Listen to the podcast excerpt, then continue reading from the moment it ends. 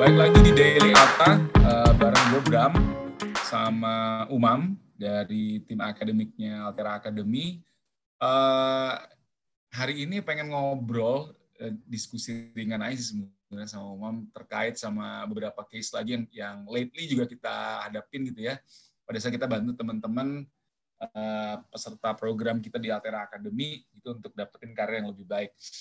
Uh, ya mam kita lately lagi dapat kasus-kasus di mana teman-teman ini kan uh, engineer-engineer yang kita bantu ini ya itu kan uh, nggak semuanya dari uh, startup teknologi company yang terkemuka gitu ya.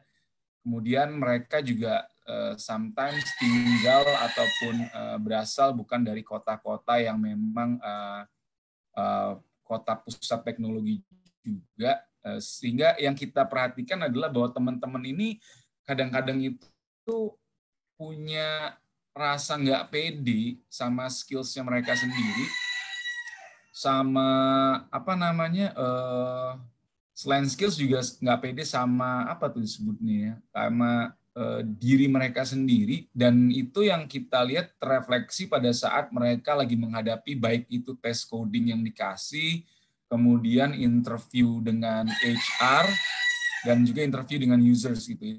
Itu yang ter apa namanya terefleksikan gitu ya dari uh, tidak pedian mereka dan uh, pada akhirnya yang paling menyedihkan adalah pada saat di akhir ya proses pada saat mereka mau mendapatkan offering itu kita juga sering melihat ketidakpercayaan diri itu akhirnya membuat mereka tidak bisa mendapatkan offering yang terbaik gitu dari company-company yang mau merekrut mereka. Nah, pengen dengar memang dari dari pendapat kamu sendiri gitu ya terkait dengan uh, apa sih namanya case yang dialami teman-teman ini apa sih? Eh, alhamdulillah sih kita udah dapat udah dapat case yang mereka berhasil ngelaluin itu gitu ya, ketidakpercayaan diri itu. Tapi dari umum sendiri ngelihat case ini gitu ya, mungkin akar masalahnya apa, lalu uh, apa namanya uh, biasanya implikasinya apa dan habis itu cara mereka akhirnya bisa ngelewatin gimana tuh sampai dapetin company dan offeringnya yang oke okay, gitu.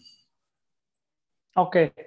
oke, okay. uh, thank you Mas Bram. Um, atas pertanyaannya. Jadi um, ya kalau ngomongin tentang percaya diri gitu mas ya, sebenarnya hmm. ini kasus yang kalau aku bilang general gitu.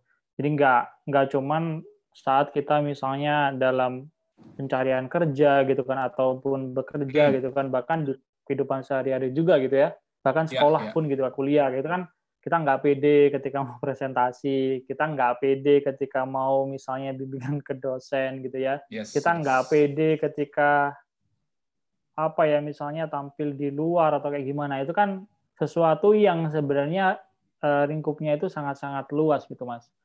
Nah sebenarnya um, ya kalau menurut saya ketidakpercayaan diri ini bisa jadi muncul karena um, berbagai macam faktor gitu ya misalnya karena pengalaman buruk gitu kan ketika misalnya pernah presentasi gitu ya terus uh, pernah diketawain mungkin atau kayak gimana gitu kan sehingga dia kayak wah saya nggak mau kayak gitu lagi gitu ya kayak trauma gitu. Jadi saya benar-benar nggak percaya diri gitu ya. Nah mungkin ada um, eksternal faktor gitu kan yang yang membuat dia dia berpikir uh, jadi seperti itu gitu. Ya ada juga mungkin yang nggak ada faktornya juga gitu karena karena belum pernah ada pengalaman aja gitu ya karena belum ada pengalaman sehingga wah saya nggak bisa saya belum pernah melakukan itu saya nggak nggak percaya diri gitu. Nah itu percaya diri hal yang sangat wajar gitu ya dialamin sama manusia gitu. Cuman di sini adalah yang kita harus tahu itu adalah cara memanage eh, ketidakpercayaan diri kita itu gitu ya.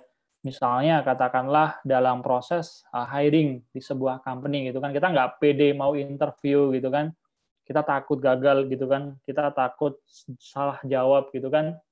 Ya pertanyaan dari saya adalah kalau gagal kenapa gitu ya, maksudnya maksudnya kalau salah kenapa gitu kan?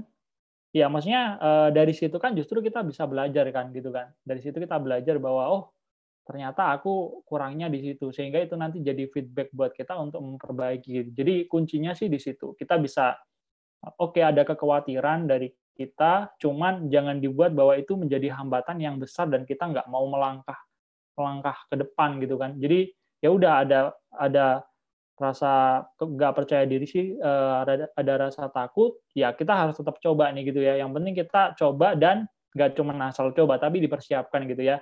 Harus di prepare gitu kan. Mau interview nggak percaya diri ya jangan oh saya nggak percaya diri gitu kan. Oke minimal kita harus latihan dulu kan. Oke okay, saya harus kayak gini gitu. Mau tes coding gitu kan ya udah kita persiapan dulu gitu kan. Entah hasilnya nanti kayak gimana ya udah gitu ya. Yang pertama kan yang penting kan kita udah udah mencoba kan. Dengan mencoba kita belajar sesuatu yang baru yang mana itu nanti membuat kita bisa sedikit naik level gitu kan. Dengan cara kita terus dapat kegagalan dan kita terus um, belajar gitu kan sedikit demi sedikit ya harusnya kita dapat sesuatu yang lebih baik gitu ya.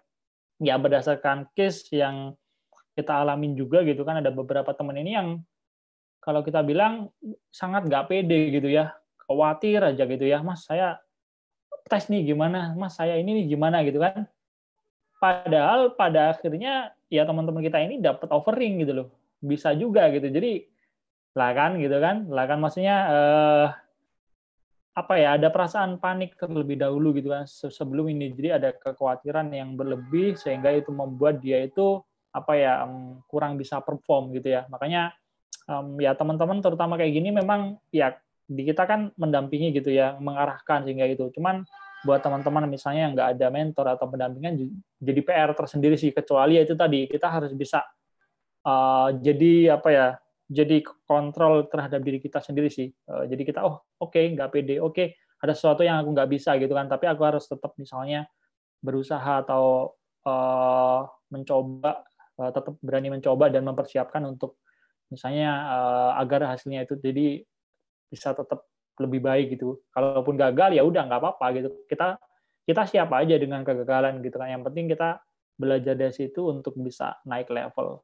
Kayak gitu sih Mas mungkin dari dari perspektif saya ya, ketika sebenarnya kenapa kita nggak percaya diri, ya akar masalahnya bisa jadi dari diri kita sendiri, ya kan, bisa jadi eksternal. Cuman ya kita nggak akan dapat apa pun sih dari ya, ketidakpercayaan diri itu. Ya yang kita harus lakukan adalah ya udah kita mengakui, oke okay, aku kurang di situ nggak apa-apa gitu ya. Tapi kita harus persiapkan dengan baik, terus kita coba. Kalau gagal, kita harus siap juga gitu ya. Udah gagal-gagal aja gitu kan. Tapi kita belajar dari situ gagal lagi ya udah nggak apa-apa terus itu apa ya diulang terus. Ya pada akhirnya sih nanti akan jadi apa ya dapetin sesuatu yang yang lebih baik. Dan mungkin dari situ kita bisa ini ya oh ternyata aku bisa ya baru baru ini ya gitu ya. Baru kayak semacam mungkin ter terpikir gitu. Oh iya ya ternyata aku bisa ya gitu kan. Ternyata uh, tidak seburuk enggak, yang saya bayangkan lah. Uh, tidak seburuk yang saya bayangkan gitu. Itu sih uh, Mas ya. Bram dari perspektif saya sih seperti itu. Mungkin Mas Bram juga ada tambahan. Ya, ya, saya jadi jadi jadi teringat juga ya kalau di, di, dibicara mengenai beberapa uh, apa istilah akar masalah gitu. Mungkin saya ngeliat satu nih. Ini ini beberapa yang saya perhatikan. Nomor satu ada beberapa teman-teman engineer sini yang nggak percaya diri kayak misalnya gini. Saya bukan lulusan IT mas. Hmm. Either mereka uh, eh, S1 non IT atau kedua mereka ini uh, kebetulan memang uh, memang belum belum apa namanya belum ngambil S1 gitu kan. Uh, jadi masih SMA atau SMK. Itu sometimes saya ngelihat hal itu itu kadang-kadang jadi sumber ketidakpercayaan dirinya gitu ya. Yang kedua juga saya juga melihat memang ada beberapa yang punya kayak semacam past experience itu yang mempengaruhi ketidakpercayaan dirinya. Uh, sifatnya memang sebenarnya tidak bukan teknikal, tapi itu ternyata berpengaruh pada pada saat mereka mau perform secara teknikal juga gitu. Itu yang saya lihat juga. Jadi berbagai macam uh, peristiwa di masa lalu juga. Uh, kemudian yang saya lihat juga tadi highlight semua sebenarnya benar sih. Sometimes dari mereka itu kayaknya memang kurang pengalaman untuk gagal saya rasa. Jadi hmm. itu bikin mereka karena jarang gagal malah jadinya takut gitu untuk menghadapi takut sesuatu. gagal gitu ya.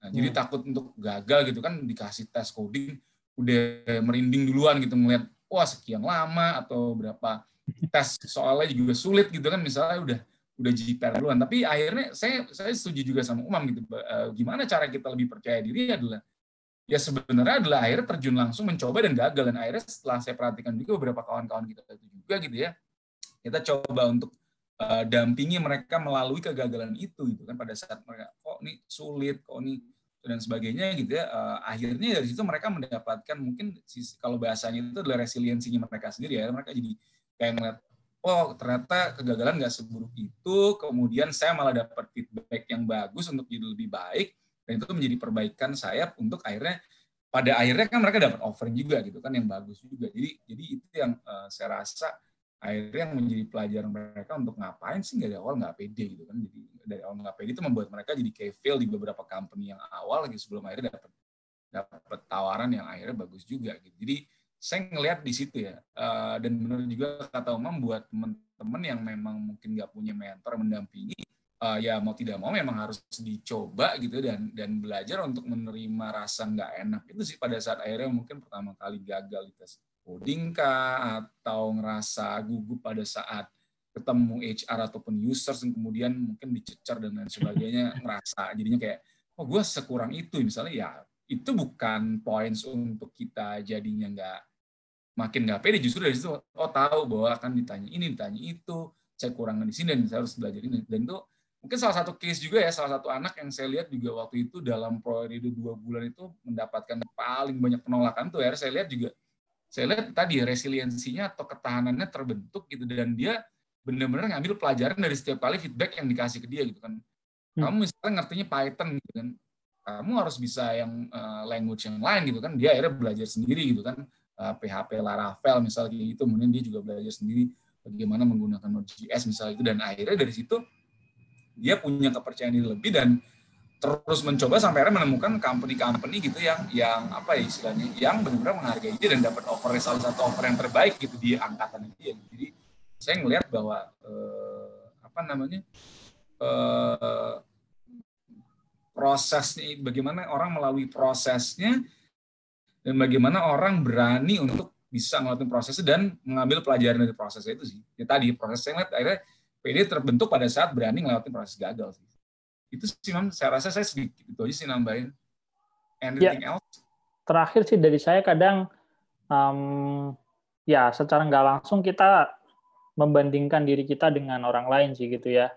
Wah ya, saya nggak ya, percaya diri mas gitu misalnya. Kata-kata itu kok jago banget ya? Gitu. Itu kok uh, bisa pinter kayak gitu ya misalnya itu kok pengalamannya banyak ya itu kan sesuatu yang kadang membuat kita itu nggak um, percaya diri juga gitu kan cuman sebenarnya hal itu itu sesuatu yang nggak perlu dilakukan juga gitu ya. Artinya ya mau di compare kayak gimana pun ya nggak akan terjadi sesuatu apa pun gitu ya. Kecuali ya. kita mengkomparnya itu untuk hal yang positif gitu. Misalnya, oh kita ngelihat skillsnya itu bagus gitu kan. Oh saya pengen kayak dia gitu kan. Gimana hmm. sih cara belajarnya? Uh, gimana caranya dia bisa mencapai level itu itu sesuatu yang mengkomparasi dalam hal positif gitu ya. ya. Tapi kalau misalnya komparasinya itu untuk hal yang misalnya untuk mengecilkan dirinya sendiri ya itu sebaiknya nggak usah gitu ya fokus ke diri kita sendiri kita lihat apa yang menjadi kekurangan kita gitu ya dari sisi non technical misalnya kurang communication kurang bisa kurang ini hmm. kurang bisa ini kurang bisa itu ya udah kita fokus ke diri kita untuk gimana caranya sedikit demi sedikit memperbaiki itu gitu ya. Jadi yeah, yeah. sebenarnya improve itu nggak harus yang kayak wah gitu ya, maksudnya kayak langsung uh, signifikan gitu kan. Kadang kita kan pengen belajar sesuatu itu kan pengen instan juga kan ya. Nah yes. kita uh, kita kan kita harus ada proses juga kan, percaya diri gitu ya. Wah saya kalau ngomong itu gelagapan mas gitu kan, ya udah coba latihan misalnya um, perkenalan diri, ya kan formatnya ini gitu ya. Perkenalkan kamu asalnya mana, backgroundnya mana, terus kemudian pengalamanmu apa, motivasimu apa. Coba misalnya kayak gitu. Kamu coba harus bisa menyampaikan ini dengan sangat-sangat pede dan misalnya kayak apa ya, eh, lebih baik lah misalnya daripada yang sebelumnya gitu kan.